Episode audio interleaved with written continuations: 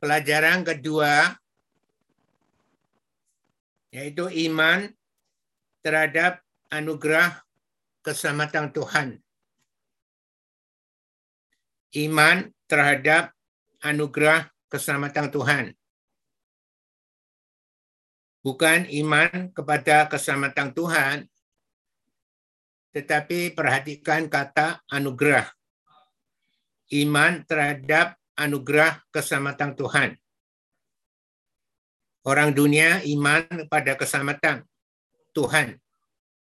Iman pada keselamatan Tuhan. Tetapi orang percaya iman terhadap anugerah keselamatan Tuhan. Iman itu artinya percaya.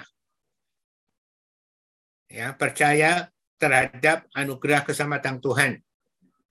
Tapi kalau orang dunia adalah iman terhadap keselamatan Tuhan. Itu beda sekali. Kelihatannya sama keselamatan Tuhan. Tetapi orang percaya ditekankan pada iman terhadap anugerah keselamatan Tuhan. Anugerah artinya adalah pemberian. Oke, kalau kita sudah siap, kita masuk. Kalau bisa, semua mencatat. Dan kalau bisa diulang, itu bekal untuk saudara-saudara. Bisa tidak dipakai oleh Tuhan, paling sedikit memuridkan diri sendiri. Dan akhirnya saudara punya kerinduan untuk memuridkan orang lain. Ya, mari kita berdoa. Iman terhadap anugerah keselamatan Tuhan. Mari kita berdoa. Ya Tuhan Roh Kudus yang mulia yang sangat mengasihi kami. Tuhan kekuatan, kepercayaan, dan kebanggaan kami. Tuhan penolong dan penghibur kami. Tuhan kebenaran dan Tuhan sahabat kami. Ya Tuhan, untuk anugerah keselamatan Tuhan, pada hari ini hambamu Aquila berdoa, mohon kepadamu Tuhan, pada hari ini benar-benar kau limpahkan bahwa hang dan hikmat kemampuan dari surga tanpa berhenti turun atas anak-anakmu sehingga anak-anakmu dapat mengerti apa yang dimaksud iman terhadap anugerah keselamatan Tuhan. Ya Tuhan lembutkan hati anak-anakmu sehingga hati anak-anakmu menjadi hati yang lembut, hati yang baik, hati yang siap ditabur oleh kebenaran firman Tuhan, siap bertumbuh dan berbuah-buah di dalam kebenaran firman Tuhan. Ya Tuhan Roh Kudus yang mulia, mampukan hambamu, kuatkan hambamu, terutama layakkan hambamu untuk menyampaikan pengajaran iman terhadap keselamatan Tuhan benar-benar dapat disampaikan dengan benar dan dapat diterima dengan benar dan menjadi kekuatan yang dahsyat di dalam kehidupan anak-anakmu sebagai orang-orang percaya. Tuhan inilah tubuh Kristus yang ada di kota Yogyakarta kelihatannya sedikit, tetapi Tuhan, inilah anak-anakmu yang kau tebus oleh darahmu sendiri. Tuhan berkaryalah. Pada hari ini, hambamu akuilah sungguh-sungguh berdoa kepadamu. Dan hambamu percaya doa-doa kami telah kau dengar dan telah kau kabulkan. Terima kasih Tuhan Roh Kudus yang mulia karena kasihmu, karena penyertaanmu sepanjang hidup kami. Di dalam nama Tuhan Yesus Kristus yang kami kasihi, kami sungguh telah berdoa dan mengucap syukur dan bangga Tuhan Roh Kudus yang mulia. Haleluya. Amin. Beri kemuliaan bagi Tuhan. Haleluya. Saudara, iman terhadap anugerah keselamatan Tuhan. Itu beda dengan iman terhadap keselamatan Tuhan. Orang dunia pun juga percaya ada Tuhan. Mereka percaya terhadap keselamatan Tuhan. Yaitu mereka berusaha dengan caranya sendiri, berusaha untuk berbuat baik. Baik melalui agama, baik melalui kepercayaan, baik melalui perbuatan baik sebaik-baiknya untuk dapat mendapat ya keselamatan Tuhan. Tetapi hari ini kita diajar adalah iman terhadap anugerah keselamatan Tuhan. Anugerah itu adalah pemberian. Tidak ada andil sedikit pun di dalam usaha kita untuk mendapatkan keselamatan itu. Tetapi itu benar-benar yang Tuhan limpahkan, benar-benar diberikan secara gratis kepada kita-kita yang dapat percaya. Jadi saudara, ini adalah penting sekali. Kalau tidak, kalau kita tidak mengerti bahwa keselamatan Tuhan itu melalui anugerah keselamatan Tuhan maka kita akan menganggap bahwa diri kita ada andil untuk dapat masuk di dalam keselamatan Tuhan.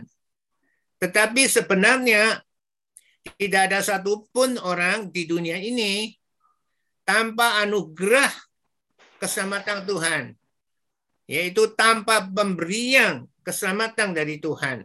Tidak ada seorang pun yang dapat selamat.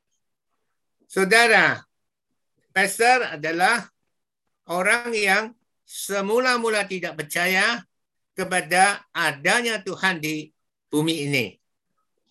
Sejak kecil, sejak TK sampai SMA, itu tidak pernah diajar tentang Tuhan dan tidak percaya adanya Tuhan. Tetapi pastor bisa menerima anugerah keselamatan Tuhan. Jadi itu bukan karena pastor. Oh, mulai sadar. Bukan. Tetapi karena anugerah yang diberikan kepada pastor, nyo. Dan akhirnya pastor bisa menerima, yo. Dan pastor diselamatkan. Jadi saudara, ini adalah penting sekali. Jika saudara sebagai orang percaya, saudara harus mempunyai fondasi yang benar-benar kokoh dan kokoh dan kokoh. Mengerti arti anugerah keselamatan itu. Ya saudara, ini adalah penting. Dan minggu kemarin kita telah diajar tentang bertobat. Bertobat itu adalah langkah untuk kita menuju kepada Tuhan. Untuk kita menuju kepada anugerah keselamatan Tuhan. Jika kita benar-benar mengerti arti bertobat dan kita sungguh-sungguh merasa dengan tulus dari hati kita yang paling dalam benar-benar menganggap dan benar-benar sadar bahwa kita telah melakukan banyak dosa dan dosa sedikit pun tidak akan masuk dalam kerajaan surga. Dan kita benar-benar sadar itu. Dan kita mengaku kepada Tuhan. Tuhan, aku orang berdosa. Tuhan, aku tidak mampu menebus dosaku sendiri. Karena dosa-dosa itu ketika aku sadar sudah terjadi. Dan dosa-dosa itu sudah dicatat di buku kehidupan yang ada di surga. Dan setiap orang mempunyai buku-buku kehidupan itu. Dan kalau kita mau benar-benar datang kepada Tuhan mengaku, maka kita bisa datang kepada anugerah keselamatan Tuhan. Jadi anugerah keselamatan Tuhan itu adalah langkah yang kedua. Tetapi saudara, apakah bangsa Israel dia sadar bahwa dia berdosa? Dia adalah bangsa yang berdosa, banyak dosa. Tidak. Dia tidak sadar. Tetapi dia benar-benar dapat anugerah keselamatan Tuhan. Jadi saudara, keselamatan, anugerah keselamatan Tuhan bukan karena Tuhan melihat kita baik. Bukan Tuhan melihat kita benar. Bukan Tuhan melihat kita banyak melakukan kebaikan-kebaikan di, di dalam dunia ini. Bukan. Tetapi anugerah keselamatan Tuhan itu diberikan secara gratis kepada setiap orang yang ada di dalam dunia ini. Ya, setiap orang berbeda-beda. Ketika Tuhan melimpahkan anugerah keselamatan Tuhan itu. Seperti bangsa Israel, bangsa yang sangat kacau balau, tetapi Tuhan mengangkat mereka. Tuhan memberi anugerah kepada mereka. Diangkat sebagai anak-anak Allah. Sebagai bangsa pilihan Tuhan. Maka saudara, mengajar iman terhadap anugerah keselamatan Tuhan itu tidak mudah. Jadi saudara harus benar-benar mendengarkan apa arti anugerah keselamatan Tuhan itu. Ada orang yang tidak tahu menahu, dia tahu-tahu dipilih oleh Tuhan. Diberi anugerah keselamatan Tuhan. Diberi kemampuan untuk mengaku dosa. Diberi kemampuan untuk menerima Yesus yang menyelamatkan dosa kita itu adalah anugerah keselamatan Tuhan. Setiap orang itu diberi kesempatan seperti itu. Seperti saudara, saudara mungkin di dalam satu keluarga besar, saudara dipilih lebih dahulu oleh Tuhan. Tahu-tahu saudara datang kepada Tuhan. Tahu-tahu saudara bisa menerima anugerah keselamatan Tuhan. Dan Tuhan mempunyai tujuan melalui saudara saudara bisa memenangkan adik-adik saudara, bisa memenangkan ponaan-ponaan saudara, karena saudara telah diberi anugerah keselamatan Tuhan. Tetapi apakah bangsa Israel? Dia mengerti bahwa dia telah menerima anugerah keselamatan Tuhan? Tidak. Mereka sampai detik ini pun mereka tidak tahu bahwa anugerah keselamatan telah dilimpahkan di dalam kehidupan bangsa Israel. Bangsa Israel tetap tidak tahu. Maka mereka tidak pernah bisa berterima kasih kepada anugerah keselamatan Tuhan. Atas menjadi bangsa pilihan bagi Tuhan. Mereka tidak pernah bisa berterima kasih. Tetapi apakah anugerah keselamatan tentang Tuhan telah diberikan kepada bangsa Israel? Ya, telah diberikan secara berlimpah-limpah. Karena bangsa Israel bisa melihat dengan mata jasmani mereka dan dapat merasakan dengan tubuh mereka dan dapat mengalami tanda heran kuasa mujizat yang Tuhan berikan kepada mereka. Tetapi mereka apa? Bisa merasakan anugerah keselamatan Tuhan itu. Mereka tidak pernah merasakan. Maka saudara, saudara-saudara mungkin juga termasuk orang-orang yang seperti itu, seperti bangsa Israel. Saudara telah dipilih oleh Tuhan saudara telah dilimpahi anugerah keselamatan Tuhan. Tetapi saudara tidak merasakan. Dan saudara tidak pernah bisa berterima kasih. Dan saudara tidak pernah merasakan bahwa saudara merasa betapa sukacitanya saudara. Jadi pengertian ini menjadi knowledge adalah pengetahuan saja bahwa saudara mengerti ada anugerah keselamatan Tuhan.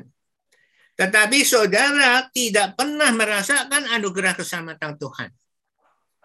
Ketika saudara menghadapi sakit, saudara tetap tidak bisa bersyukur, berterima kasih. Sekalipun saudara sakit, tetapi saudara telah mendapat anugerah keselamatan Tuhan.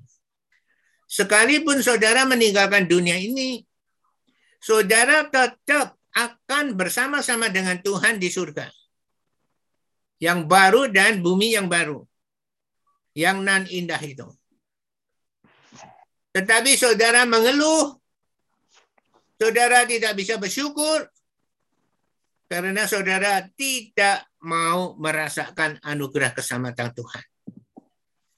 Saudara pandai sekali mengerti tentang kebenaran-kebenaran firman Tuhan. Maka di dalam pertobatan disebut pertobatan bukan hanya mengerti kebenaran Alkitab Sekalipun saudara fasis, sangat fasis terhadap seluruh Alkitab. Bahkan bisa menghafalkan seluruh firman-firman itu. Tetapi belum tentu saudara sudah bertobat. Maka saudara, pengajaran ini bukan pengajaran asal pengajaran. Tetapi saudara mau diajar dengan sungguh-sungguh karena mengingat umur pastor sudah umur 70-an. Dan tidak akan bisa bertahan lama-lama-lama menyertai saudara. Bahkan tidak bisa datang kepada di dalam rumah saudara untuk mendoakan saudara. Itu secara fisik sudah tidak mampu. Maka saudara, sekarang saudara diberi penjelasan, penjelasan supaya saudara benar-benar jelas apa anugerah keselamatan Tuhan itu. Saudara, ya saya minta uh, loudspeaker dimatikan. Ya, ada yang masih buka loudspeakernya. Ya, saudara. Sekarang saudara bisa menangkap bangsa Israel telah menerima anugerah keselamatan Tuhan. Tetapi bangsa Israel tidak pernah merasakan mereka telah menerima anugerah keselamatan Tuhan. Mereka tidak pernah berterima kasih kepada Tuhan. Bahkan sepuluh kali menista Tuhan. Menganiaya hati Tuhan sehingga bangsa Israel hampir dilenyapkan oleh Tuhan. Dan Tuhan akan membangun sebuah bangsa yang dari keturunan Musa. Bukan keturunan Israel. Israel mau dilenyapkan. Saudara, ini adalah penting sekali saudara. Maka saudara harus merenungkan baik-baik. Apakah saudara pernah merenungkan anugerah keselamatan Tuhan itu? Ya, jika saudara bisa merasakan anugerah keselamatan Tuhan, saudara akan menjadi seperti anak kecil. Saudara akan bersuka cita dan selalu bersaksi kepada Tuhan. Dan tanpa peduli Bahkan saudara akan dapat menyembah kepada seteru saudara ketika di dalam dunia orang-orang yang telah menyakitkan saudara. Saudara mau menyembah mereka jika mereka mau berbalik menerima anugerah keselamatan Tuhan Yesus itu adalah orang-orang yang sungguh-sungguh merasakan anugerah keselamatan Tuhan. Dan hidupnya adalah hidup membalas apa yang Tuhan telah limpahkan di dalam hidup kita. Hidup sampai mati, tujuan hidupnya hanya untuk mau membagikan anugerah keselamatan Tuhan kepada setiap orang. Jika itu adalah saudara, maka saudara sungguh-sungguh merasakan anugerah keselamatan Tuhan itu. Tetapi jika tidak, saudara hanya mengerti secara pengetahuan. Jadi selama ini saudara mengerti ada anugerah keselamatan Tuhan. Jadi saudara mengerti anugerah keselamatan Tuhan. Tetapi saudara tidak merasakan benar-benar anugerah keselamatan Tuhan itu telah menjamah saudara. Telah merubah saudara. Sehingga saudara menjadi orang yang baru di dalam Tuhan. Sehingga saudara percaya kepada Tuhan sehingga saudara menaruh segala sesuatunya kepada Tuhan. Dan saudara tidak pernah takut dengan apa saja yang saudara alami di dunia ini. Saudara percaya bahwa Tuhan mampu menggunakan saudara tetapi jika saudara tidak merasakan anugerah keselamatan Tuhan, seperti bangsa Israel, betapa dalamnya dan betapa lamanya, betapa Tuhan mendidik bangsa Israel diputarkan ya di padang pasir selama 40 tahun untuk mendidik mereka, mengajar mereka sebelum mereka diberi tanah perjanjian. Tetapi bangsa Israel tetap tidak mengerti dan tidak mau mengerti. Saudara, ini adalah penting sekali. Jadi jangan kita hanya mengerti pengetahuan bahwa orang dunia itu iman terhadap keselamatan Tuhan. Tetapi orang percaya iman terhadap anugerah keselamatan Tuhan.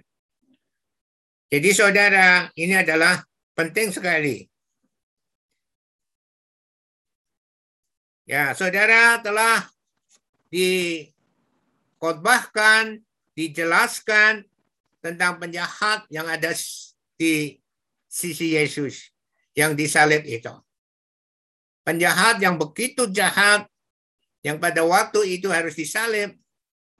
Tetapi Yesus sungguh-sungguh mengatakan kepada dia, sesungguhnya hari ini juga engkau bersama-sama dengan aku di Firdaus. Jadi ini menunjukkan itulah anugerah keselamatan Tuhan.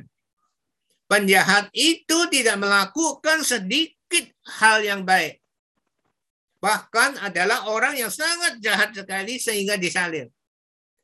Tetapi Yesus mengatakan sesungguhnya bukan tidak sesungguhnya, tetapi sesungguhnya hari ini juga engkau bersama-sama dengan aku di Firdaus. Saudara, itu adalah anugerah keselamatan Tuhan. Saya tidak tahu bahwa saudara, bagaimana saudara mengenal Yesus ya sebagai juru selamat dosa saudara, sebagai Tuhan saudara. Maka saudara heran, kenapa saya bisa percaya? Kenapa Tuhan Roh Kudus sudah turun atas saya? Dia sudah bertata di dalam hatiku. Saya bisa berbahasa roh. Kenapa? Sedang aku tidak tahu apa-apa. Itu namanya anugerah keselamatan Tuhan. Saudara mengerti? Amin.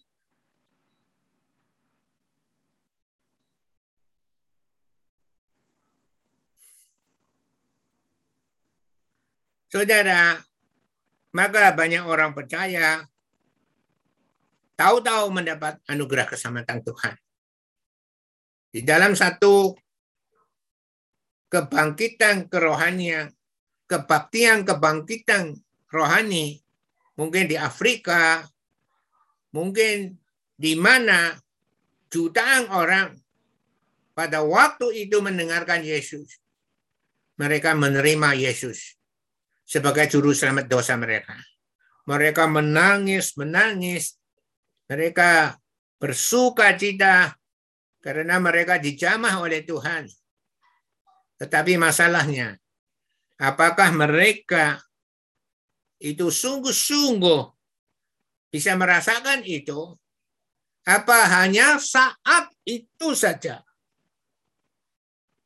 Dan setelah itu, menurut waktu, mengalami waktu demi waktu, dan mereka kehilangan kasih yang mula-mula ketika mereka dijamah oleh Tuhan.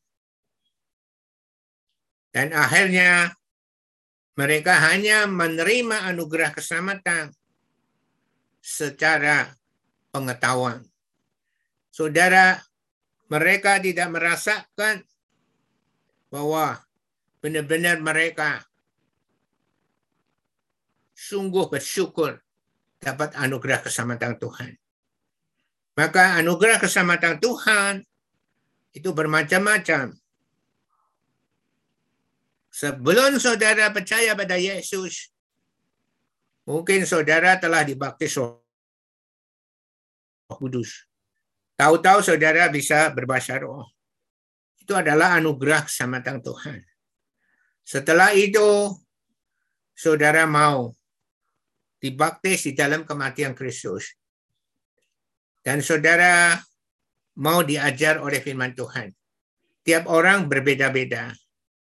Maka saudara, orang yang baru sang percaya, jika dia tidak diajar, dia tidak mengerti berharganya anugerah keselamatan Tuhan itu. Maka keputusan pastor pada tanggal 26 Oktober 1997 apa yang dikatakan Yesus akan pastor lakukan sampai hari ini.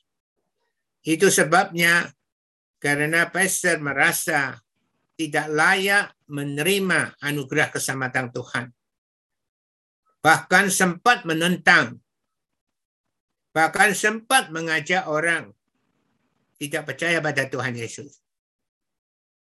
Tetapi Tuhan mengambil pastor melalui hobi pastor. Memberi berbagai tanda heran kuasa mujizat. Dan pastor ambil keputusan. Sejak itu pastor seperti anak kecil. Kepada siapa saja kapan saja, di mana saja. Pastor selalu bersaksi, bersaksi, bersaksi, bersaksi. Bahkan seorang pengkhotbah keliling yang selalu khotbah disertai dengan menyanyi, mau mengajak pastor untuk bersaksi ke seluruh Indonesia.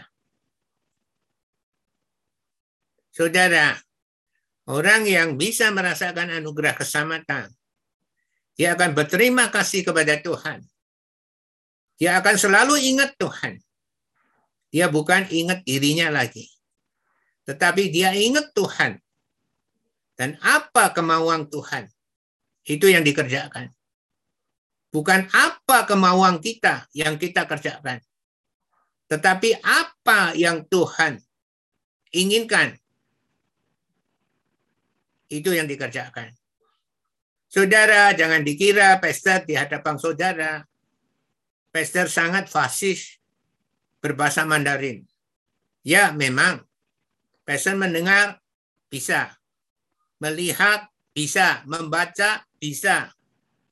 Tetapi banyak sekali tulisan-tulisan membacanya belum tentu bisa atau benar.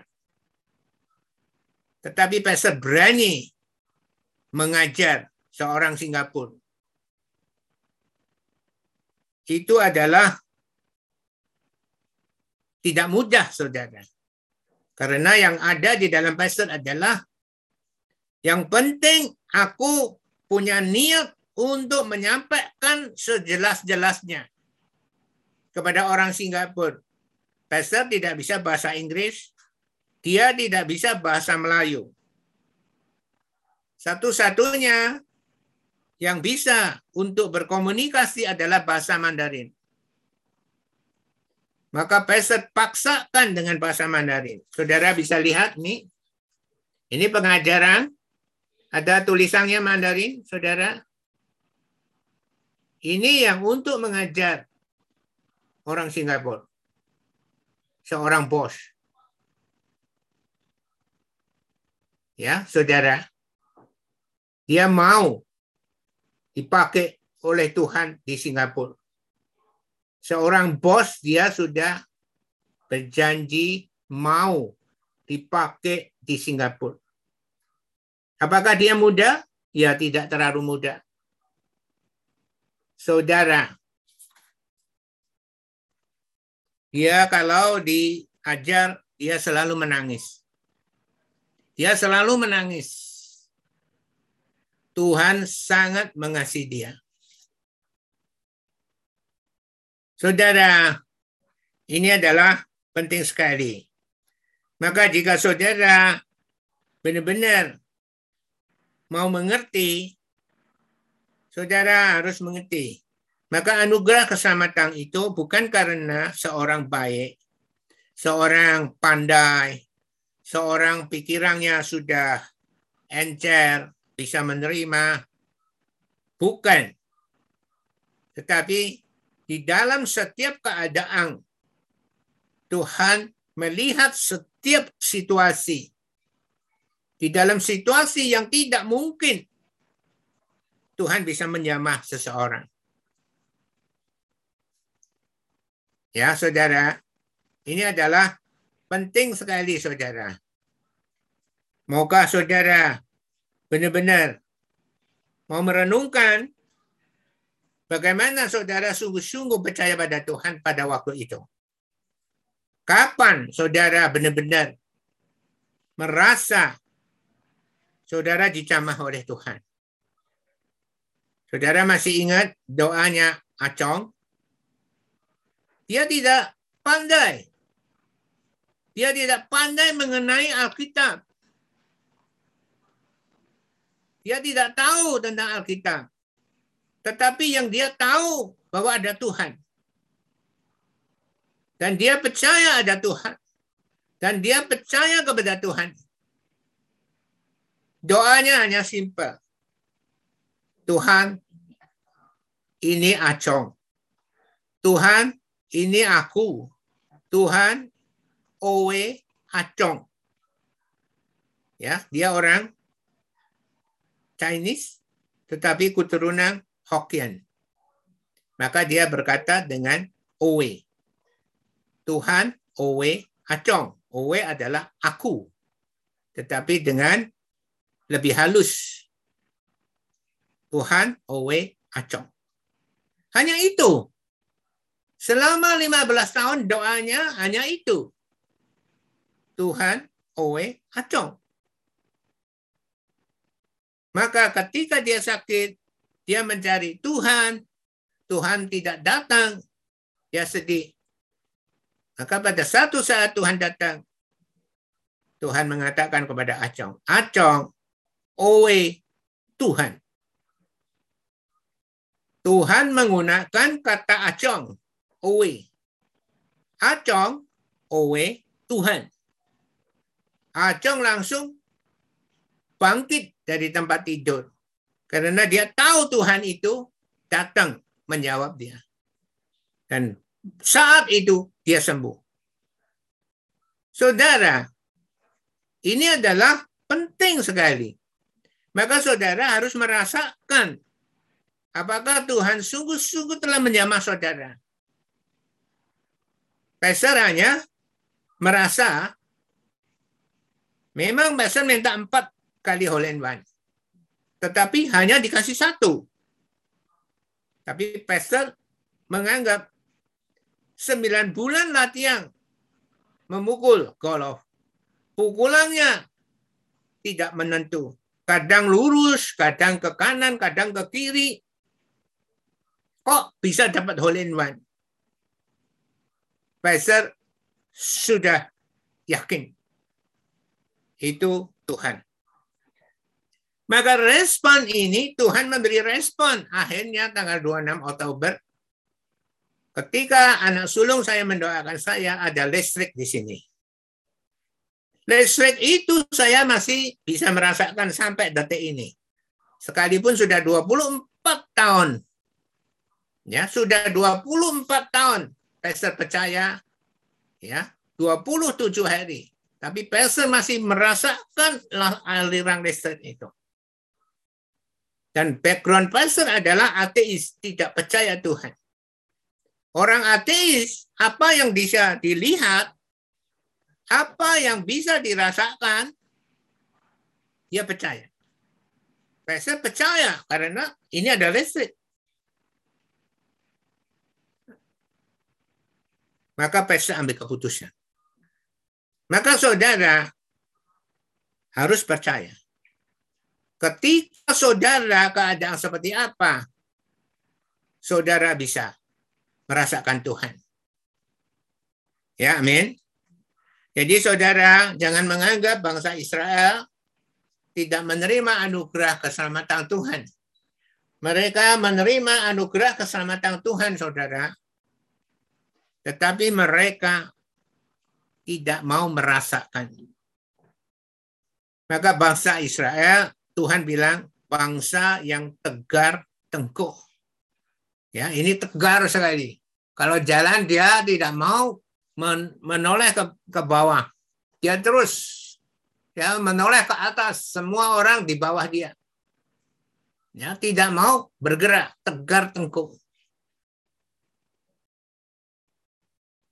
Ya, ini sama dengan seperti orang yang percaya pada hatinya sendiri. Sama, yaitu yang namakan tegar tengkuk. Maka saudara renungkan kenapa saudara bisa datang kepada Tuhan. Ya, amin. Amin. Ya, di antara saudara ada yang pernah datang bekerja kepada pastor. Waktu itu diantar oleh ayahnya. Ayahnya minta tolong harus diterima anaknya. Itu anugerah saudara. Karena dekat dengan pastor dan di, pes, di tempat pastor ada pemujian penyembahan Tuhan. Dan saudara bisa percaya. Tiap orang beda-beda. Ya, ada orang yang masuk salah kapal. Ya, ada orang yang diurapi, Kenapa listriknya hanya sampai perut tidak naik? Ya. Macam-macam. Ya, amin. Maka saudara, jadi iman terhadap anugerah keselamatan Tuhan itu saudara harus mengerti. Jadi jangan dikira orang yang tidak percaya ada orang yang dikopeng Kopeng itu daerah Magelang. Kalau di Jogja ada Kaliurang. Kalau di Magelang dekatnya ada Kopeng, pegunungan. Saudara bisa beli sayur yang yang sungguh-sungguh masih baru diambil dari perkebunan. Kalau di Solo ada Tawang Mangu. Nah, ini di Kopeng. Orangnya tidak mungkin percaya kepada Tuhan karena melawan Tuhan. Susu Tuhan menampakkan gambar di dalam tembok rumah itu dan tidak mau keluar. Gambar itu ada terus ada gambar Tuhan Yesus di situ. Dihapus tidak bisa. Akhirnya orang Kopeng daerah situ percaya kepada Tuhan juga di Banten. Di Banten sana. Banyak sekali. Itu adalah anugerah sama Tuhan. Tetapi yang penting adalah bagaimana kita respon. Apakah kita seperti bangsa Israel yang tidak respon? Itu tergantung kita. Maka pengajaran ini bukan pengajaran knowledge supaya saudara mengerti anugerah keselamatan Tuhan itu diberikan kepada seluruh umat manusia di dunia ini. Ya, amin. Sehingga mereka bisa mengenal Tuhan. Ya, saudara, renungkan baik-baik. Jadi ini adalah jika saudara merasakan marah, maka taruhlah iman saudara, percaya saudara pada anugerah keselamatan yang sudah saudara terima itu. Jika saudara mau, maka saudara akan dapat berterima kasih kepada Tuhan. Maka berterima kasih itu tidak mudah, saudara. Itu tergantung dari pendidikan. Ya, kalau saudara di tempat Pulau Jawa, kalau saudara mau lewat di satu kampung, di kampung itu ada orang duduk-duduk, saudara mau lewat di depannya, saudara pasti bisa membungkuk badan saudara. Dan saudara minta jalan. Nuwun sewu. Derek langkung. Itu adalah pendidikan sejak kecilnya. Maka di Pulau Jawa kalau kita lewat di antara orang dan kita lewat begitu saja, maka kita dianggap tidak sopan santun. Saudara mengerti? Amin. Ini adalah pendidikan. Nah, pendidikan itu sekarang pastor kalau di Singapura lewat di depannya orang, pastor agak sedikit mungkuk. Itu sudah tidak bisa dirubah. Itu pendidikan saudara. Itu sudah menancap. Kalau saudara pendidikannya diajar sejak kecil, jadi orang harus berterima kasih kepada orang yang pernah menolong saudara.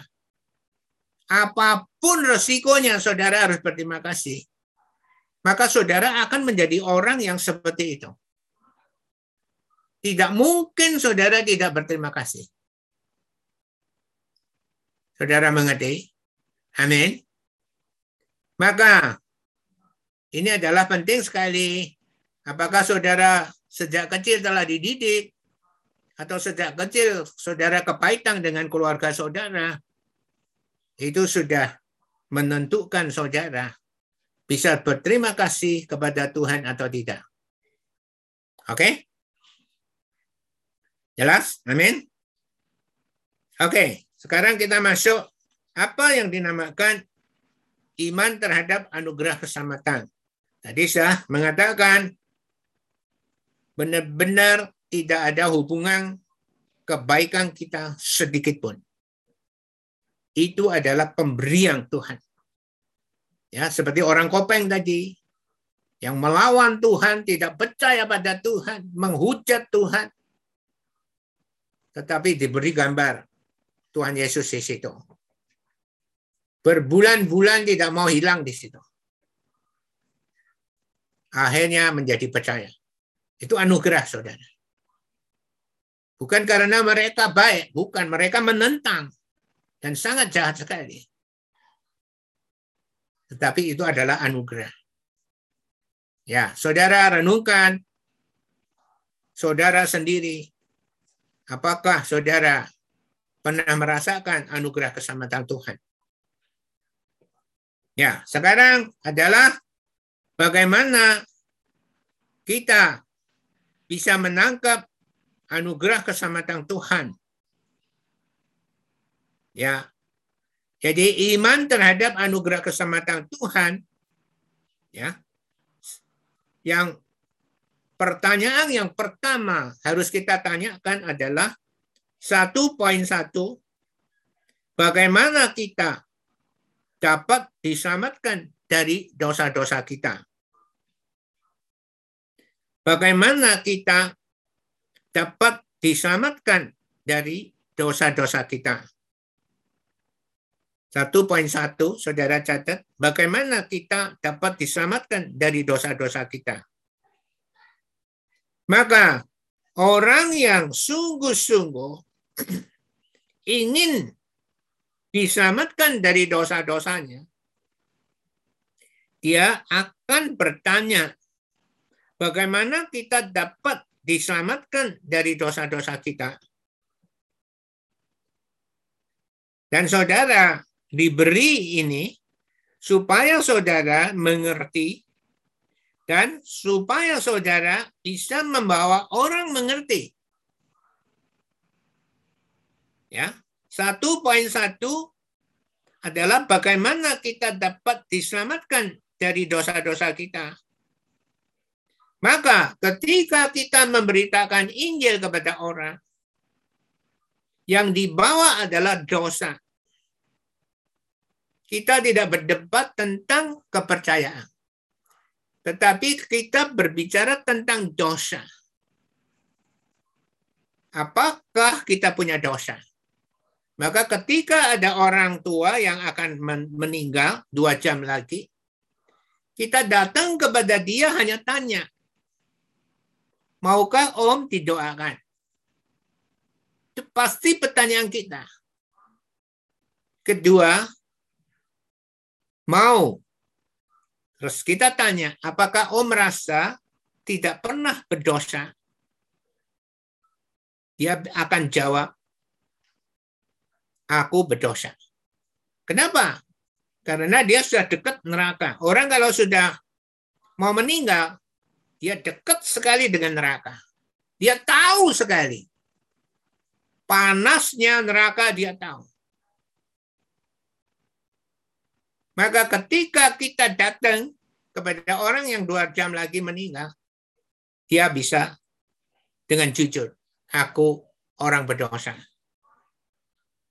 Kira-kira Om bisa menebus dosa Om sendiri? Tidak bisa. Karena dosa itu sudah terlewatkan.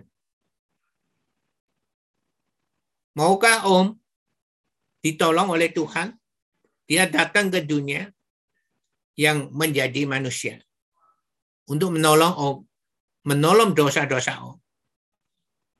Karena dia dekat dengan neraka, dia akan jawab mau. Jadi dosa ini orang yang merasa perlu diselamatkan dari dosa-dosa. Orang-orang yang seperti ini baru bisa menerima anugerah keselamatan Tuhan. Kalau dia tidak pernah mengaku bahwa dia orang berdosa, itu belum waktunya kita membawa dia kepada anugerah keselamatan Tuhan. Saudara mengerti? Kenapa lebih mudah memberitakan Injil di rumah sakit-rumah sakit? Ya, karena mereka dekat sekali dengan neraka. Maka saudara, kalau saudara berdekat, berdebat dengan berdebat karena kepercayaan, saudara tidak akan bisa membawa orang datang kepada anugerah keselamatan Tuhan. Tetapi jika saudara memberitakan dosa dan mereka respon dan mereka mau menanggapi dan mereka mau mencari bagaimana dapat diselamatkan dari dosa-dosa maka anugerah keselamatan Tuhan sudah dekat dengan dia. Saudara mengerti? Amin. Amin. Maka kadang pastor memberitakan Injil, pastor membawa langsung dosa. Sampai detik ini ada seorang bos di Singapura, dia bertanya kepada pastor, kenapa selalu kalau bicara tentang Tuhan, selalu bilang tentang dosa. Dia tidak bisa nerima karena dia tidak merasa berdosa. Sedang dia berdosa sekali. Tapi dia tidak merasa berdosa karena dia punya uang. Dia punya Tuhan. Uang itu. Tetapi jika dia sakit, dia mau meninggal, dia pasti mau mengaku dosa. Saudara mengerti? Amin. Jadi saudara, ini adalah penting sekali. Ya. Kalau orang yang benar-benar mau hidup di dunia ini saja, saudara cerita apa saja tentang Tuhan, mereka tidak akan tertarik. Mereka tertarik dengan apa yang bisa mereka nikmati di dunia ini. Ya, saudara, ini adalah penting sekali. Jadi, bagaimana kita dapat diselamatkan dari dosa-dosa kita? Maka orang-orang yang merasa dia berdosa itu pasti akan mencari. Maka orang yang mencari sungguh-sungguh, mencari Tuhan sungguh-sungguh akan menemukan Tuhan.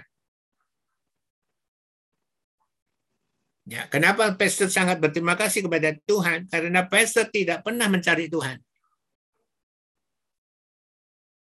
Pastor diberi lagu-lagu rohani oleh anak-anak saya. Tidak pernah pastor setel satu kali pun.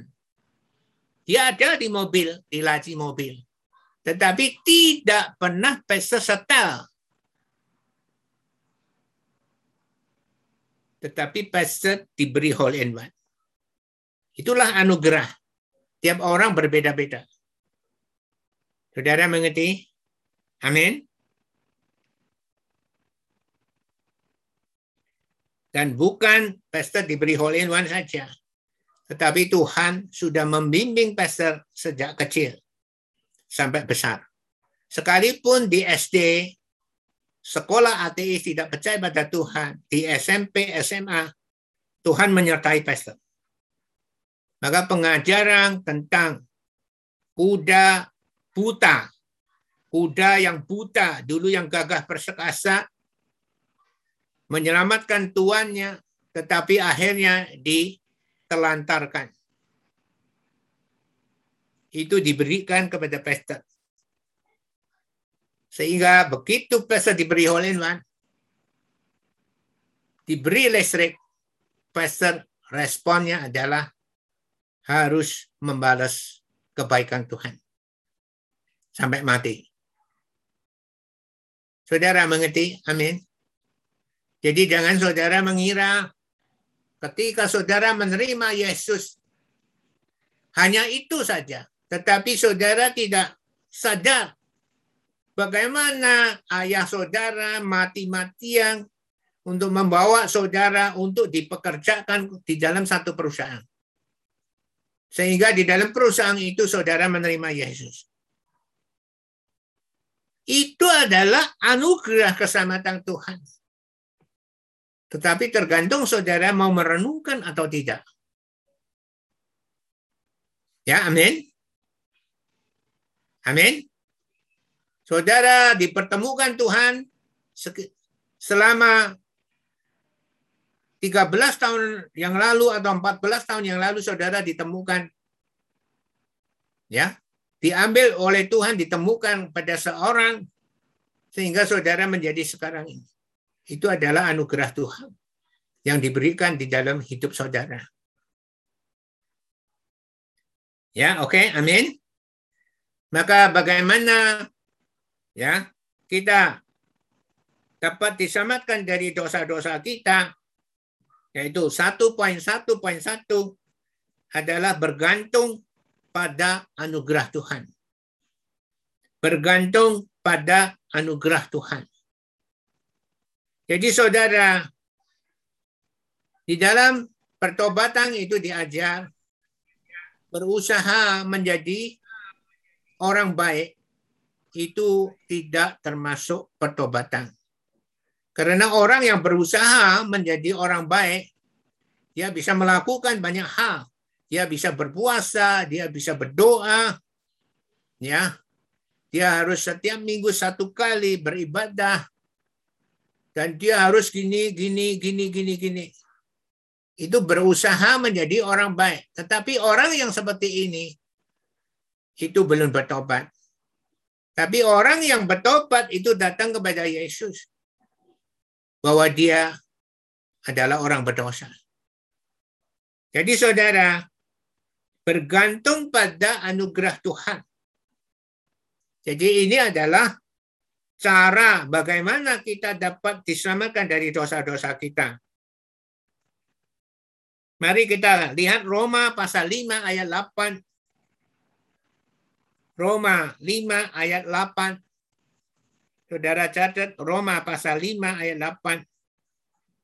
Di dalam Roma 5 ayat 8 firman Tuhan mengatakan akan tetapi Allah menunjukkan kasihnya kepada kita oleh karena Kristus telah mati untuk kita ketika kita masih berdosa. Ini namanya anugerah.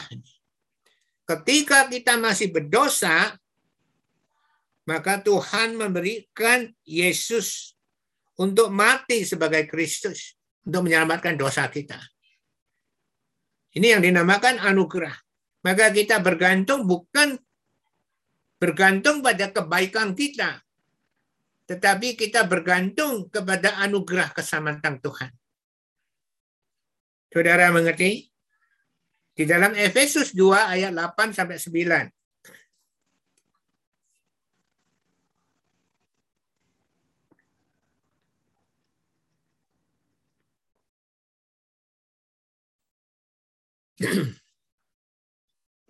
Di dalam Efesus 2 ayat 8 sampai 9.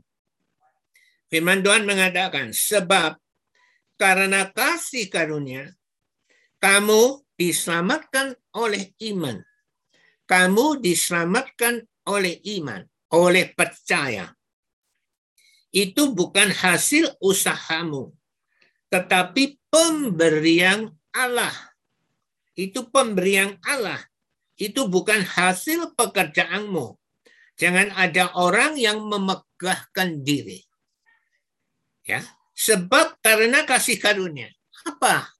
Disebut sebab karena kasih karunia. Kasih karunia itu adalah ketika Yesus mau lahir menjadi manusia dan mempunyai tugas dia yang akan menyelamatkan umat manusia dari dosa, Itulah yang dinamakan anugerah.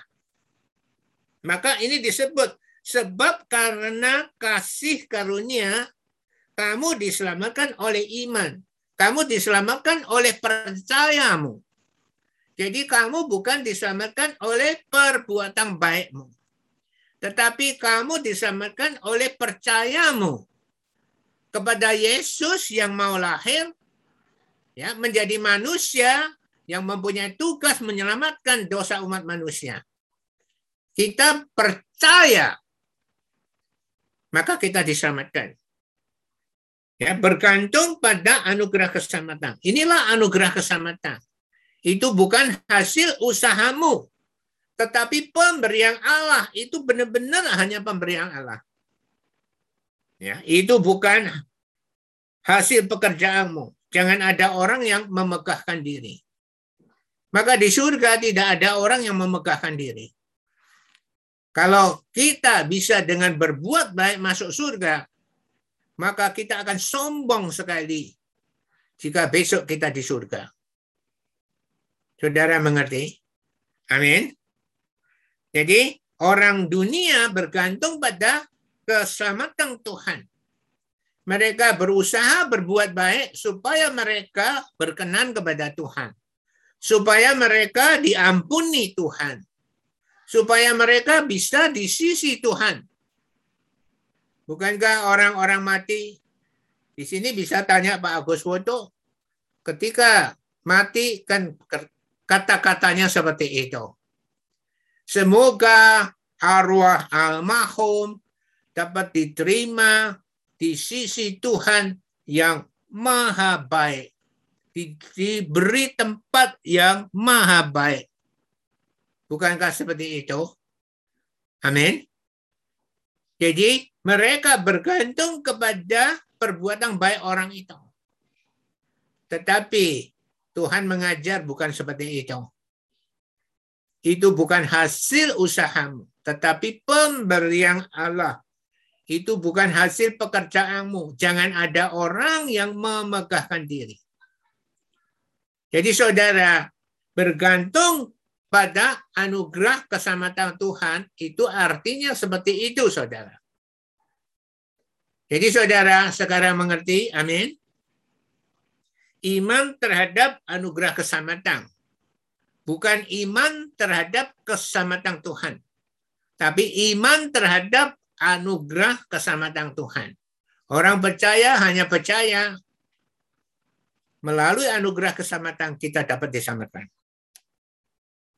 Jadi saudara sekarang sudah mengerti bagaimana kita dapat diselamatkan dari dosa-dosa kita bergantung pada anugerah keselamatan Tuhan. Itu satu poin, satu poin satu. Satu poin satu poin dua bergantung dan melalui iman. Satu poin satu poin dua bergantung dan melalui iman. Tadi bergantung pada anugerah Tuhan. Sekarang bergantung dan melalui iman. Kita bergantung pada anugerah Tuhan melalui apa? Melalui iman kita, melalui percaya kita. Maka orang yang sudah dapat percaya kepada Tuhan dan Tuhan Roh Kudus mau turun atas kita, kita bisa berbahasa roh harusnya kita percaya. Ya, amin. Harusnya kita percaya kita sudah sungguh-sungguh menerima anugerah keselamatan Tuhan.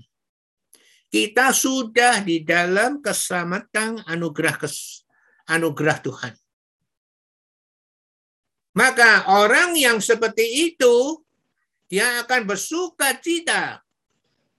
Dia akan berterima kasih kepada Tuhan. Dia tidak sedih lagi sekalipun dia menghadapi banyak masalah di dunia ini. Masalah dunia itu adalah masalah kita keluar dari firman Tuhan. Kalau kita keluar dari firman Tuhan, maka kita akan mendapat masalah. Tapi kita di dalam firman Tuhan, kita tidak akan mendapat masalah. Tetapi anugerah keselamatan Tuhan, kalau kita bergantung dan melalui iman kita, melalui percaya kita, maka kita sudah di dalam anugerah keselamatan Tuhan. Jika saudara punya iman yang seperti itu, maka saudara tidak akan kehilangan anugerah keselamatan Tuhan. Tetapi jika saudara ragu, apakah ia ya maka saudara akan kehilangan anugerah keselamatan Tuhan. Saudara, ini adalah penting sekali. Saya mau memberi satu foto. Saya mau kirimkan kepada Iran. Dan tidak tahu Iran bisa masukkan dengan cepat atau lambat. Saya cari Iren dulu karena backgroundnya berubah. Dan background itu kecil sekali. Bagi pastor adalah kecil.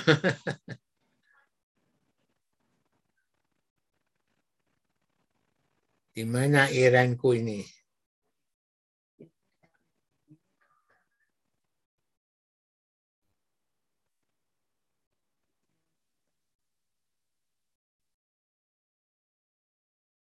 Ternyata irenku hilang. Ya. Oh ini. I am blessed. Apakah ini? Bukankah nomornya 4163 Iren?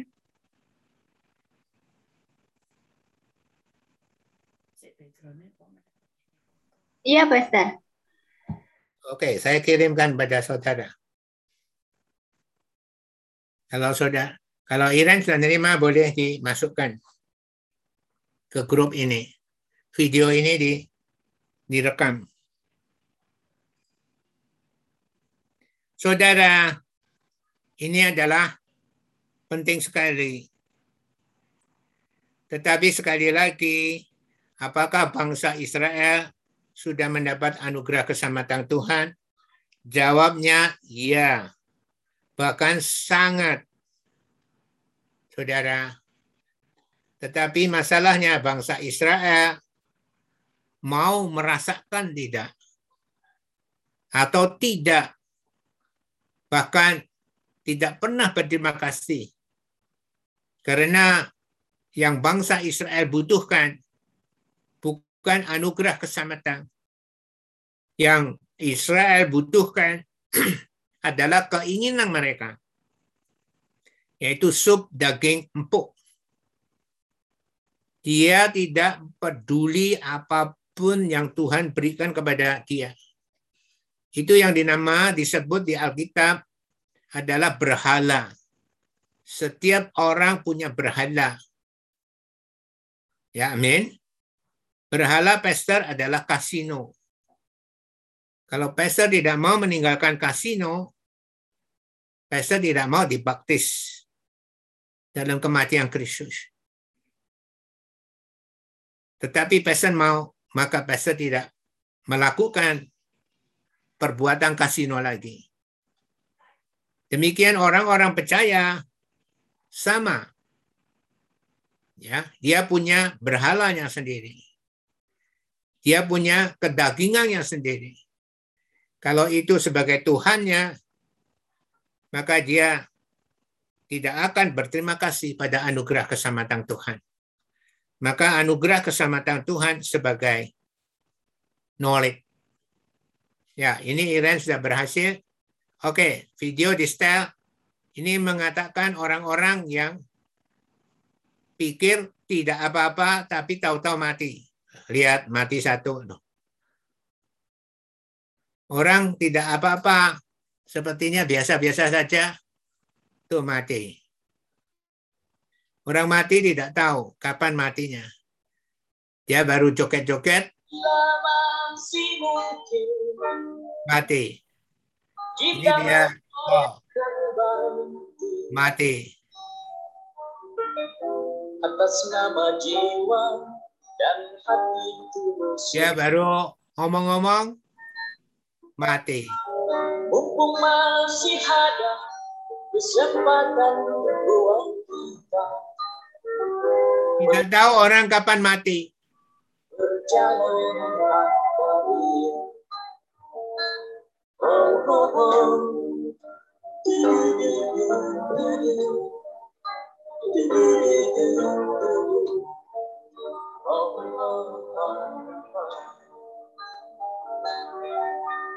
Kita pasti ingat yang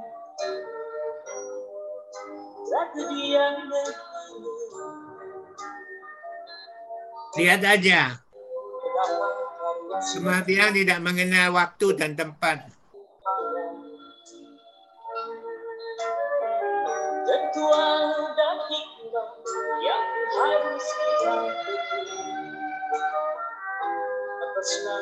Ya, mati.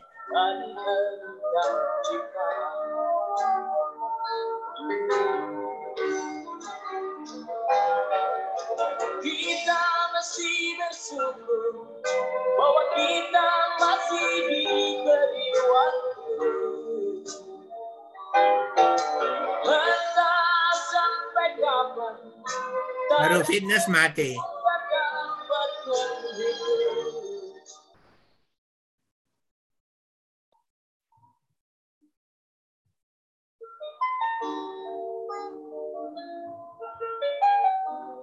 Oke. Saudara, kita tahu kapan kita meninggal dunia. Tetapi berharaplah ketika kita mati, kita masih mempunyai harapan kepada anugerah keselamatan Tuhan. Masih beriman pada anugerah keselamatan Tuhan maka tempat kita di surga yang indah, ya surga yang baru, bumi yang baru, dan di bumi yang baru ada kota Yerusalem yang baru.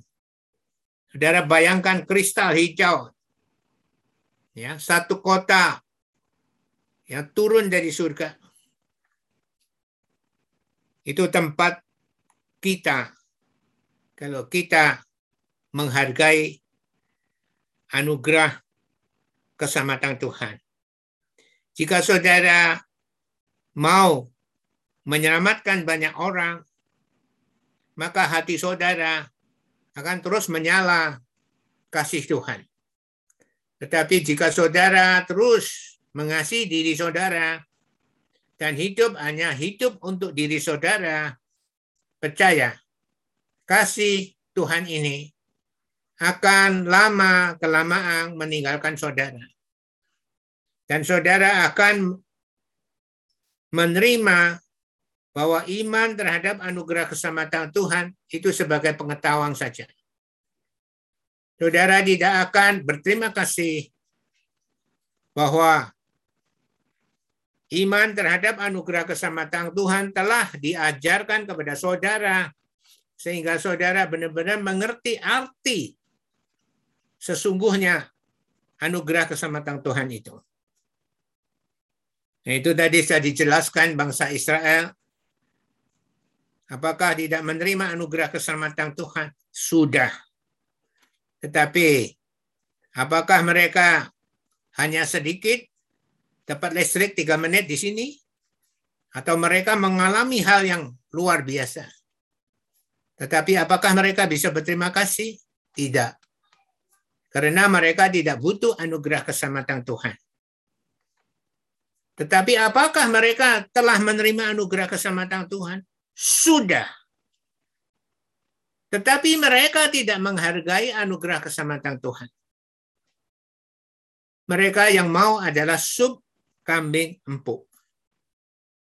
Dia tidak butuh anugerah keselamatan Tuhan. Maka saudara, ini adalah pengajaran yang pertama, iman terhadap anugerah keselamatan Tuhan. Ya, tetapi orang dunia yang sungguh-sungguh mau mencari keselamatan Tuhan, akhirnya akan menemukan anugerah keselamatan Tuhan. Ya, orang yang mencari Tuhan itu akan menemukan anugerah keselamatan Tuhan. Saudara mengerti? Amin. Tetapi orang yang sudah percaya, tetapi yang memikirkan dirinya sendiri, lama-lama dia akan kehilangan anugerah keselamatan Tuhan. Seperti bangsa Israel.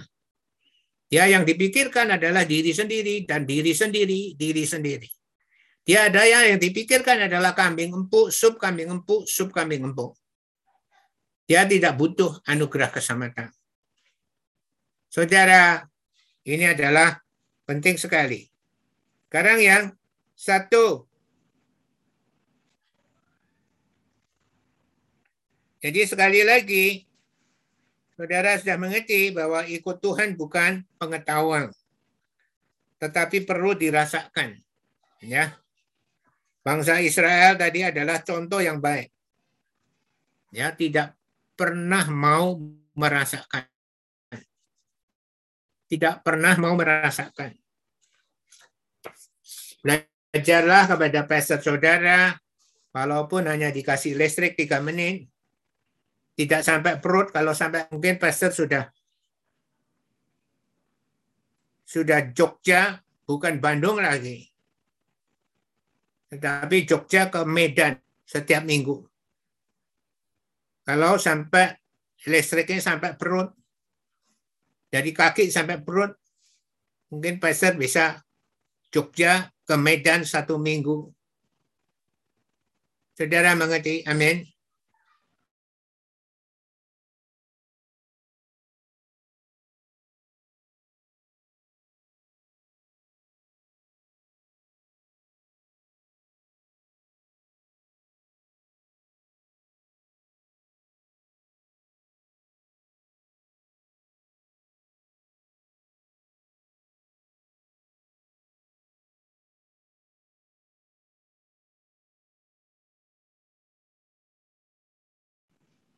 Bagaimana kita dapat percaya Yesus Tuhan adalah sebuah satu-satunya jalan bagi manusia menuju anugerah keselamatan. Ya, kita mau tahu ini Kita tahu Matius 1 ayat 21. Matius 1 ayat 21 kenapa begitu penting? Karena dia disebut kenapa dinamakan Yesus? Karena dialah yang akan menyelamatkan umat manusia dari dosa mereka. Kenapa ayat ini penting? Karena ayat ini menunjukkan tidak ada seorang pun di dunia ini yang tidak berdosa. Jika saudara benar-benar sadar, saudara boleh meneliti, boleh survei, ya diteliti, dicatat, boleh 10 tahun, 20 tahun, saudara akan menemukan di dunia ini tidak ada orang yang tidak berdosa. Jika saudara percaya tidak ada orang yang tidak berdosa, maka saudara akan percaya pada janji Tuhan. Kenapa dinamakan Yesus? Karena dialah yang akan menyelamatkan umat manusia dari dosa mereka. Berarti ini adalah penting sekali. Kenapa dinamai Yesus? Ini adalah penting. Ketika saudara memanggil Yesus, itu bukan gambar, bukan patung. Tetapi Yesus itu adalah janji. Janji yang Tuhan berikan melalui perjanjian baru bahwa kita dapat diselamatkan oleh Yesus karena dia yang akan menyelamatkan umat manusia dari dosa mereka. Ini adalah janji. Bagaimana kita dapat percaya bahwa Yesus Tuhan adalah sebuah satu-satunya jalan bagi manusia menuju anugerah keselamatan. Ya karena ini. Karena janji ini, Matius 1 ayat 21 ini. Jadi saudara diperdalam tentang pengetahuan saudara. Ya, amin. Tentang anugerah keselamatan. Oke. Maka hanya Yesus Saudara harus mengerti hanya Yesus. Karena Yesus itu dilahirkan secara khusus. Tidak seperti umat manusia di dunia ini yang lahir. Semuanya sama. Yaitu melalui orang tua kita masing-masing. Kita dilahirkan. Tetapi Yesus itu dilahirkan bukan karena kehendak manusia, bukan kehendak seorang suami atau kehendak seorang istri. Tetapi Yesus dilahirkan karena Roh Kudus mengandung. Roh Kudus yang mengandung Maria. Sehingga Maria mempun, hamil yang akan melahirkan Yesus. Tetapi Maria dia hamil bukan karena keinginan. Maria juga bukan keinginan suaminya Yusuf. Tetapi keinginan Tuhan. Tuhan akan menjelma menjadi manusia melalui Maria. Maka Yusuf pun sekalipun dia orang benar, dia tidak akan bisa menerima. Kenapa? Maria hamil. Dia tidak bisa menerima. Kenapa? Maria hamil. Karena dia belum belum melakukan hubungan suami istri.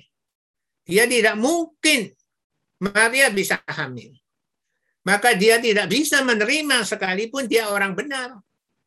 Dia mau dengan ya sembunyi, tidak terang-terangan untuk menceraikan Maria secara diam-diam.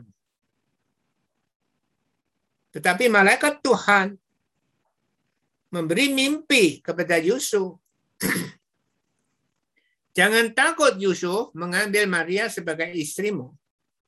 Sebab apa yang dikandungnya itu oleh Roh Kudus. Jadi ini adalah pesan dari malaikat Tuhan. Dan ketika lahir kamu harus menamakan dia Yesus. Karena dialah yang akan menyelamatkan umat manusia dari dosa mereka. Tetapi sebelum anak itu lahir, kamu tidak boleh berhubungan dengan Maria. Jadi Yesus lahir itu adalah satu-satunya kelahiran di dunia ini yang kelahiran yang kudus. Itu sebabnya kita merayakan kelahiran yang kudus. Yaitu hari Natal. Merry Christmas. Bersuka cita ya, atas kelahiran yang kudus. Jadi saudara, ini adalah penting sekali. Maka bagaimana kita dapat percaya Yesus Tuhan?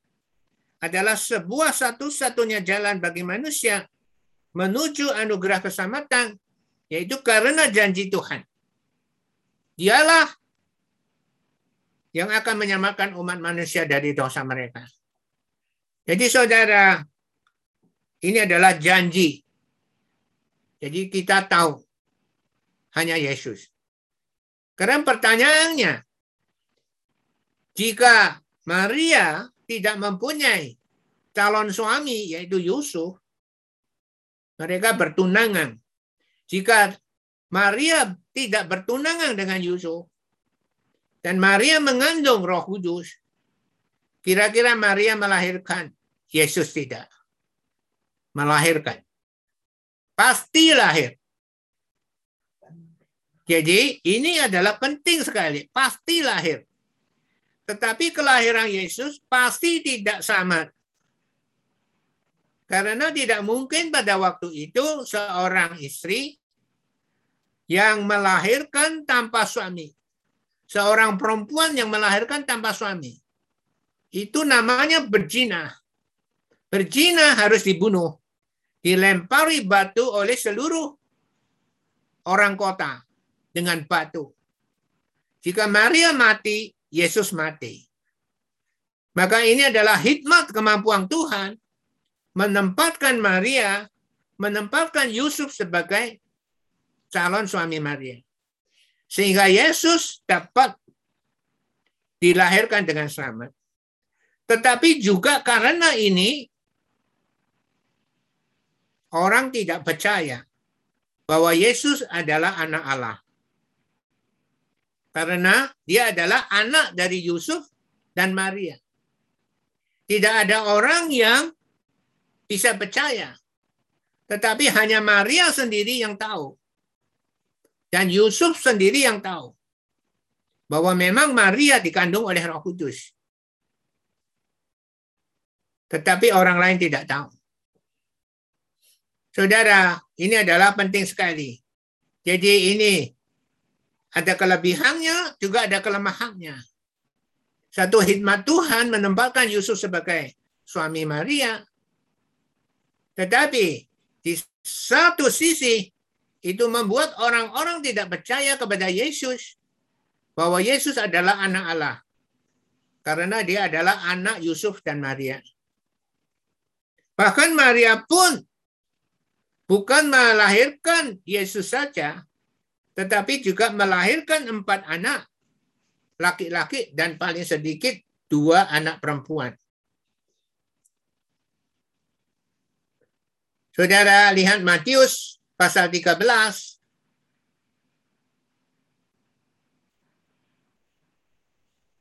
ayat 53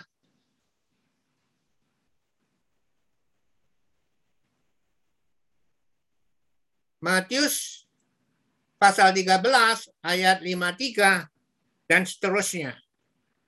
Yesus ditolak di Nazaret. Yaitu tempat kelahirannya. Sebetulnya bukan tempat kelahirannya, tempat dibesarkan. Karena Yesus dilahirkan sesungguhnya di Bethlehem. Ya, bukan di Nazaret. Tetapi memang Yesus dibesarkan di Nazaret. Ayat 23 disebut, setelah Yesus selesai menceritakan perumpamaan-perumpamaan itu, ia Yesus pun pergi dari situ. Setibanya di tempat asalnya, Yesus mengajar orang-orang di situ di rumah ibadat mereka. Maka takjublah mereka dan berkata, dari mana diperolehnya hikmat itu dan kuasa untuk mengadakan mujizat-mujizat itu. Bukankah ia Yesus ini anak tukang kayu? Bukankah ibunya bernama Maria dan saudara-saudaranya Yakobus, Yusuf, Simon, dan Yudas? Ini empat laki-laki adiknya Yesus. Dan bukankah saudara-saudaranya, bukan saudaranya, saudara-saudaranya, paling sedikit dua. Bukankah saudara-saudaranya perempuan semuanya ada bersama kita? Jadi dari mana diperoleh Yesus semuanya itu? Lalu mereka kecewa dan menolak dia Yesus. Maka Yesus berkata kepada mereka, seorang nabi dihormati di mana-mana kecuali di tempat asalnya sendiri dan di rumahnya. Jadi, saudara mengerti, amin, ini satu sisi kenapa orang tidak bisa percaya Yesus sebagai anak Allah. Karena dia adalah anak tukang kayu. Tetapi hanya Yusuf dan Maria lah yang sungguh-sungguh tahu bahwa memang Yusuf tidak mengapa-apakan Maria. Tetapi benar-benar Maria mengandung, bahkan mau diceraikan secara diam-diam. Tetapi malaikat Tuhan mengatakan itu dikandung oleh roh kudus. Saudara mengerti? Amin. Jadi ini satu hikmat Tuhan untuk melindungi kelahiran Yesus supaya tidak dibunuh.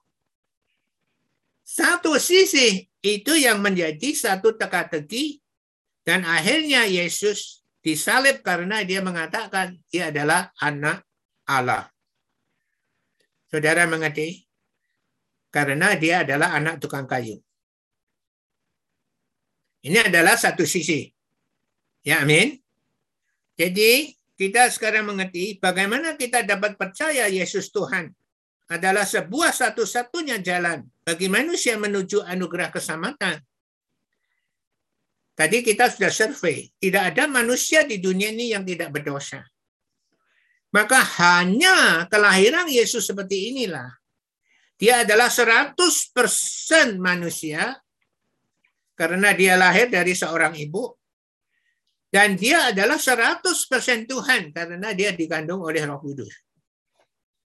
Maka satu-satunya manusia yang seperti ini yang bisa menjadi pengantara antara Allah dan manusia.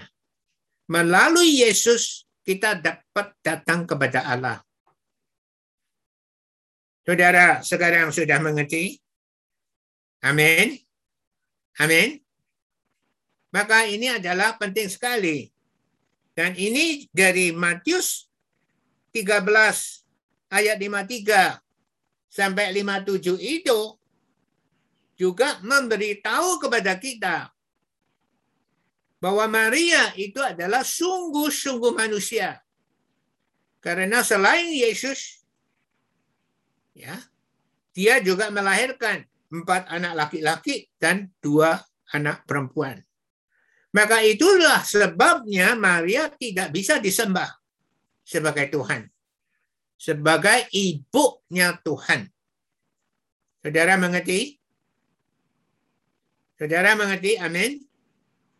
Jadi hanya Yesuslah satu-satunya jalan. Tidak bisa melalui siapa-siapa.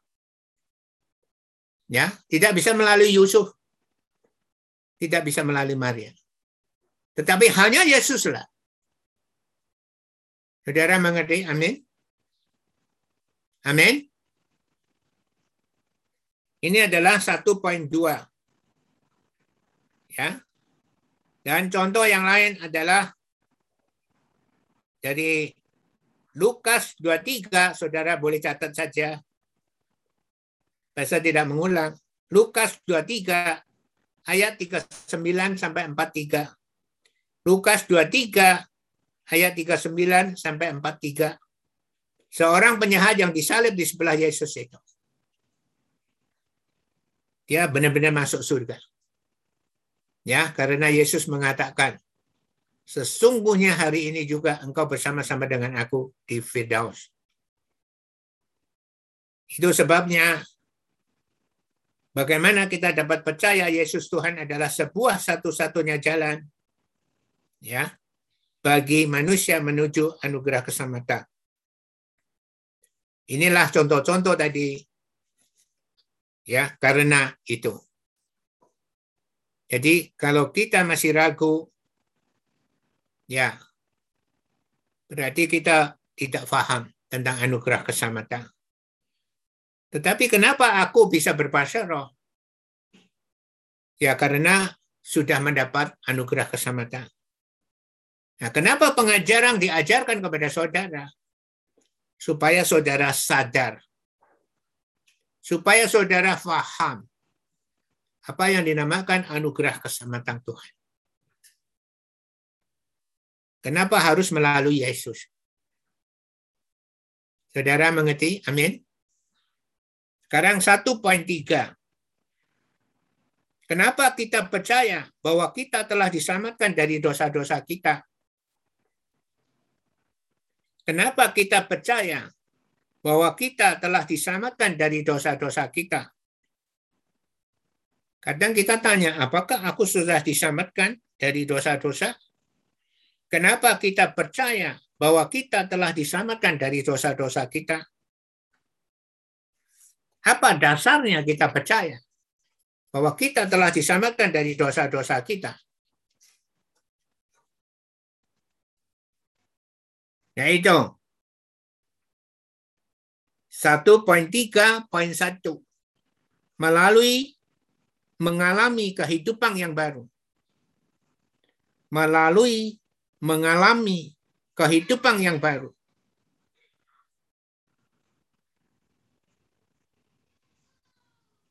Jadi kita bisa melalui mengalami kehidupan yang baru kita, kita bisa merasakan bahwa kita sudah mendapatkan anugerah keselamatan Tuhan.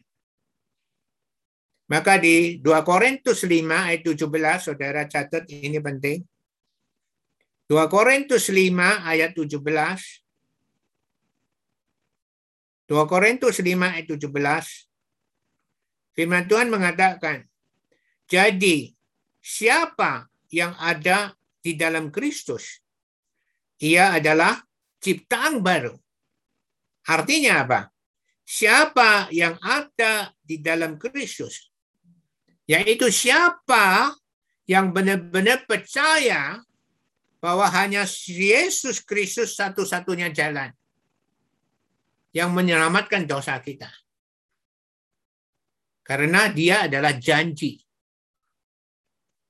Nah, kalau kita benar-benar percaya bahwa kita sudah mengaku dosa, jika kita sudah mengaku tidak mampu menebus dosa, dan jika kita benar-benar percaya bahwa Yesus sebagai Kristus, sebagai juru selamat dosa yang menyelamatkan kita, maka kita yang dinamakan jadi siapa yang ada di dalam Kristus itu yang dimaksud.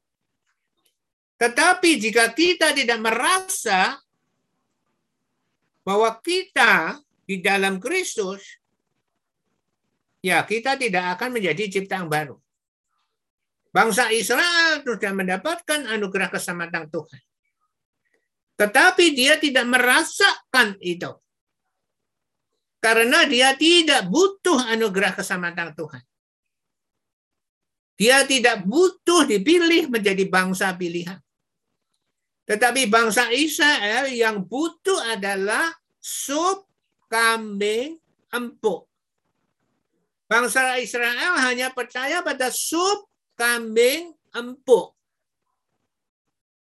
Maka jika saudara juga seperti itu, saudara tidak merasakan ada anugerah keselamatan Tuhan di dalam hidup saudara. Tetapi saudara sudah mendapat anugerah keselamatan Tuhan. Bahkan roh Allah sudah bertata di dalam hati saudara. Dengan tanda saudara bisa berbahasa roh. Tetapi saudara tidak merasakan itu. Sama dengan bangsa Israel. Sudah mendapatkan anugerah keselamatan, tetapi tidak merasakan itu. Maka di sini disebut jadi siapa yang ada di dalam Kristus itu artinya dia merasa bahwa dia sudah di dalam Kristus, dia sudah diselamatkan oleh Yesus Kristus. Maka apa yang terjadi? Ya, yang terjadi adalah ia adalah ciptaan baru. Pastikan orang itu pasti menjadi ciptaan baru. Ini kesaksian pastor adalah seperti itu. Setelah menerima Yesus sebagai Kristus dan Tuhan. Terus bertumbuh, bertumbuh, dan terus mau bersaksi, bersaksi, bersaksi. Sampai umur sekarang 71 mau 72 terus akan bersaksi dan bersaksi dan bersaksi. Tidak pernah akan berhenti. Karena merasakan bahwa sudah di dalam anugerah keselamatan. Nah, orang yang seperti ini pasti menjadi ciptaan baru. Yang lama sudah berlalu, sesungguhnya yang baru sudah datang. Maka jika saudara tidak mengalami kehidupan yang baru, bukannya saudara tidak menerima anugerah keselamatan, Saudara sudah menerima, tetapi saudara tidak merasakan, dan saudara tidak bisa berterima kasih. Karena saudara mempunyai satu berhala. Kalau bangsa Israel mempunyai sup kambing empuk, dia tidak peduli. Yang penting adalah sup kambing empuk. Jika saudara juga tidak peduli besok surga seperti apa, kota Yerusalem yang baru seperti apa indahnya, tetapi saudara hanya percaya bahwa saudara mau hidup di dunia ini saja, ya saudara tidak akan pernah menjadi ciptaan baru. Yang takut tetap takut, tidak pernah percaya kepada Tuhanmu adalah Tuhan yang maha hebat ngerjakan ini takut, ngerjakan itu takut, ngerjakan itu takut. Ya. Sepertinya tidak ada Tuhan yang ada dirimu sendiri. Saudara, ketika pastor mendoakan orang sakit, pastor sering ditegur. Hei, jangan ngomong nak dia hidup, nak mati gimana? Itu urusan Tuhan, mati atau hidup. Bagaimana kita mendoakan orang sakit, terus kita bilang, belum tentu sembuh kamu.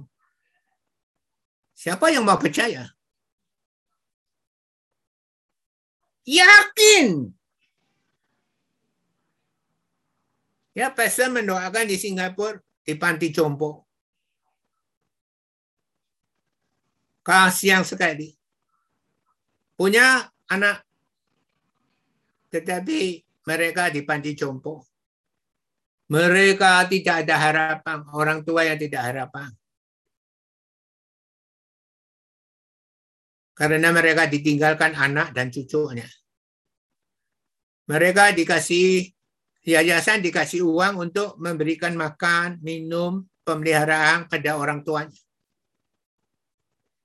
Kasihan sekali orang-orang ini.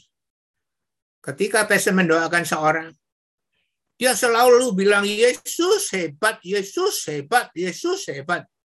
Wah ini luar biasa. Tapi dia lumpuh saudara. Pastor bilang, betul. Kamu percaya seminggu lagi kita ketemu di orchard. Ketemu di jalan orchard. Wah, dia senang sekali. Satu minggu lagi. Dan pastor mendoakan yang lain-lain. Eh, dia lumpuh. Dia melorot, saudara. Dari tempat tidurnya, mau jalan.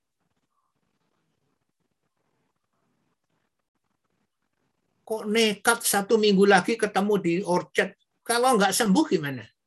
Nah ini orang-orang yang sungguh-sungguh tidak percaya, saudara. Kalau percaya pada Tuhan itu harus 100%. Bahkan 1000 persen, 10 ribu persen, 1 juta persen. Itu bukan kita yang melakukan, tapi Tuhan yang melakukan. Kemarin orang Singapura yang mau meninggal, doakan.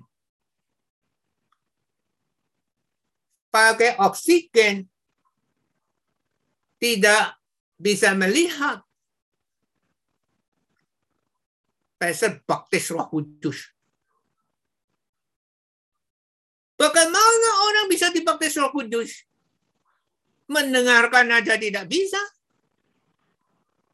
Karena sudah pakai oksigen.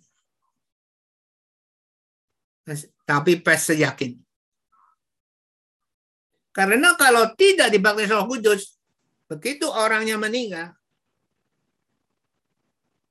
nggak tahu dia ke mana. Pes ngotot dalam nama Tuhan Yesus, ku baptis anakmu ini Tuhan. Dengan baptisan roh kudus. Apakah dia bisa berbicara? Tidak bisa.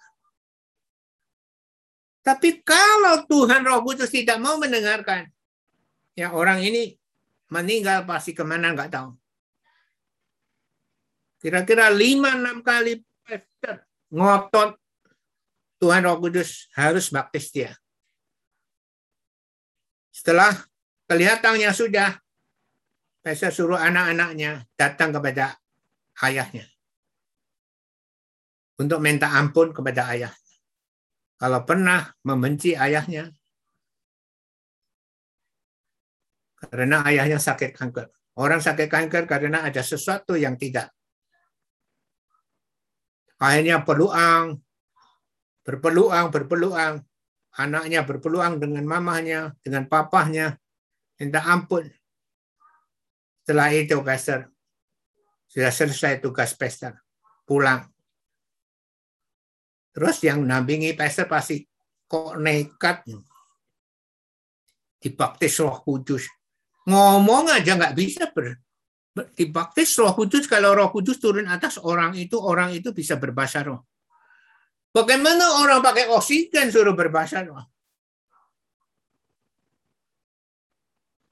Ya, itu Tuhan, itu urusan Tuhan. Akhirnya berapa hari mati. Dulu enggak meninggal, sekarang meninggal. Hanya didoakan berapa hari meninggal. Meninggalnya gantengnya luar biasa, handsome-nya luar biasa. Saya belum pernah melihat orang meninggal handsome. Pastor melihat Tio meninggal. Dia someh. Someh, saudara tahu? Orang yang suka ketawa. Tan Hok Ho meninggal someh. Tapi ini ganteng, saudara. Sudah puluhan yang pastor doakan meninggalnya. Ini yang paling ganteng. Pastor tahu hidupnya tidak tidak kelihatan ganteng. Eh meninggalnya kok gantengnya luar biasa. Pastor kasih jempol. Luar biasa. Pastor bilang dengan istrinya, luar biasa. Kamu dikasih Tuhan. Suamimu handsome sekali. Belum pernah aku mendoakan orang meninggal keadaannya handsome sekali. Saudara, dia tidak dibaptis Roh Kudus? Kalau tidak dibaptis Roh Kudus, kenapa dia bisa handsome, saudara?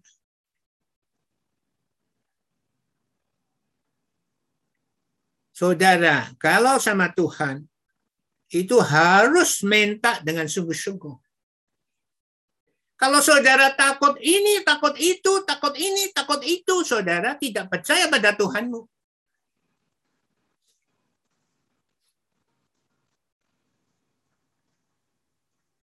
Tan Ho mati, mati. Yang didoakan pastor mati, mati. Tapi apakah mereka menuntut pastor tidak berterima kasih pada pastor? Saudara, ya ini adalah iman. Ya, percaya kepada Tuhan. Saudara, Jangan kalau kelihat itu mudah, saudara berdoa. Kalau sulit, itu tidak mungkin. Ya, amin. Saudara, ini yang ketiga tadi. Ya. Jadi saudara sekarang sudah mengerti iman terhadap anugerah keselamatan. Ya, melalui mengalami kehidupan yang baru. Maka kita periksa jika kita tidak mengalami kehidupan yang baru, apakah saudara tidak menerima anugerah keselamatan? Sudah. Tetapi apakah saudara bisa merasakan itu? Belum tentu. Karena tujuan saudara bukan itu. Seperti bangsa Israel, tujuannya adalah sub kambing empuk. Dia tidak butuh anugerah keselamatan. Dia butuh sup kambing empuk. Maka jika saudara, kenapa saudara tidak bisa merasa mengasihi Tuhan? Apakah Tuhan tidak tidak memberi saudara anugerah keselamatan Tuhan? Memberi. Bahkan roh Allah mau bertata di dalam hati saudara. Tetapi apakah saudara bisa merasakan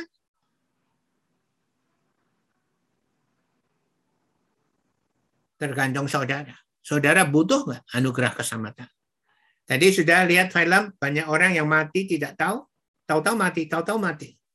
Orang mati itu tidak bisa diprediksi. Kapan mati? Sekarang baik-baik, eh besok mati. Jadi, saudara, ini adalah pengajaran yang saudara ya kalau saudara tidak mengalami kehidupan yang baru, pasti ada sesuatu yang salah. Bukan saudara tidak menerima anugerah keselamatan Tuhan, saudara menerima, tetapi saudara tidak mau merasakan. Karena masih ada sesuatu yang lebih tinggi daripada anugerah keselamatan Tuhan. Kalau bangsa Israel adalah sup kambing empuk. Saudara, ini adalah jadi bagaimana kita bisa merasakan bahwa kita di dalam keselamatan, di dalam anugerah keselamatan Tuhan, yaitu melalui mengalami kehidupan yang baru.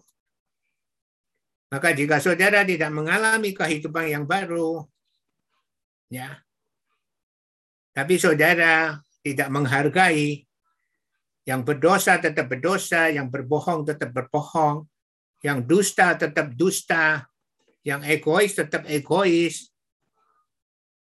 Ya, karena saudara tidak memerlukan anugerah keselamatan ini. Tapi saudara sudah mendapatkan, sudah. Jadi jangan menyalahkan Tuhan bahwa Tuhan pilih kasih. Tuhan tetap mengasihi saudara. Maka pendidikan itu adalah penting sekali. Ya seperti tadi, karena pastor di lingkungan Pulau Jawa, kalau jalan depan ada orang, pasti bilang permisi. Kalau bahasa Indonesia permisi. Kalau bahasa Jawa derek langkong. Nuwun sewu. Kalau bahasa Jawanya. Kalau bahasa Indonesianya permisi. Tapi kalau di luar negeri tidak perlu seperti itu. Ya, amin. Kecuali kita mau melampaui orang, kita akan bilang excuse me. Ya, sorry, excuse me. Saudara mengerti ini tergantung pendidikan. Maka saudara butuh enggak anugerah keselamatan Tuhan? Tergantung saudara. Tapi pertanyaannya, apakah saudara sudah mendapatkan anugerah keselamatan Tuhan? Sudah. Tetapi kenapa saudara tidak mengalami kehidupan yang baru? Masih takut itu, takut ini, takut itu, takut ini. Karena saudara masih ada sesuatu yang lebih tinggi daripada anugerah keselamatan Tuhan. Kedagingan saudara biasanya sebagai Tuhan saudara. Tetapi kalau orang yang benar-benar merasakan anugerah keselamatan Tuhan, dia akan menjadi ciptaan baru. Dia akan percaya kepada Tuhan, tidak pernah ragu. Dan dia akan bekerja untuk Tuhan. Suruh apa saja mau. dia tidak akan takut. Dia adalah ciptaan baru. Oke. Jadi saudara sudah mengerti tentang hal ini. Maka kita tutup pengajaran ini iman terhadap anugerah keselamatan Tuhan. Mari kita berdoa. Ya Tuhan Roh Kudus yang mulia, sekali lagi hanya kepadamu kami bergantung dan berharap hanya pewahyuhan dan hikmat kemampuan daripadamu yang menyamah anak-anakmu. Terutama belas kasihmu ya Tuhan yang menyamah hati anak-anakmu. Sehingga anak-anakmu benar-benar bukan karena hikmat kemampuan dan pewahyuhan Tuhan, tetapi karena kau telah menyamah hati anak-anakmu, sehingga hati anak-anakmu menjadi hati yang benar-benar dapat merasakan anugerah keselamatan, yang benar-benar merasakan bahwa kau sangat mengasihi anak-anakmu. Sehingga anak-anakmu benar-benar menjadi ciptaan yang baru, dan benar-benar bukan hanya menerima anugerah keselamatan, tetapi tidak merasakan anugerah keselamatan itu. Dan hidupnya tidak ada perubahan sama sekali. Yang takut tetap takut, yang egois tetap egois, yang berbohong tetap berbohong, tetapi tidak ada rasa syukur dan ingin membalas syukur kepadamu karena anugerah keselamatan yang telah dilimpahkan di dalam hidupnya. Sehingga anakmu menjadi ciptaan yang baru. Benar-benar tanpa diminta yang sesungguhnya yang lama sudah berlalu. Sesungguhnya yang baru sudah datang. Tanpa diminta akan terjadi di dalam kehidupan anak-anakmu. Sebagai orang-orang percaya dan dapat menikmati pengajaran ini bukan secara pengetahuan, tetapi benar-benar merasakan betapa bahagianya anak-anakmu telah beriman terhadap anugerah keselamatan Tuhan. Ya Tuhan Roh Kudus yang mulia, sekali lagi kami bergantung dan berharap kepadamu, dan kami serahkan anak-anakmu ke dalam tangan kasih setiamu. Dan hanya di dalam nama Tuhan Yesus Kristus yang kami kasihi. Kami sungguh telah berdoa dan mengucap syukur Tuhan Roh Kudus yang mulia di dalam nama Tuhan Yesus. Haleluya. Amin. Beri kemuliaan bagi Tuhan.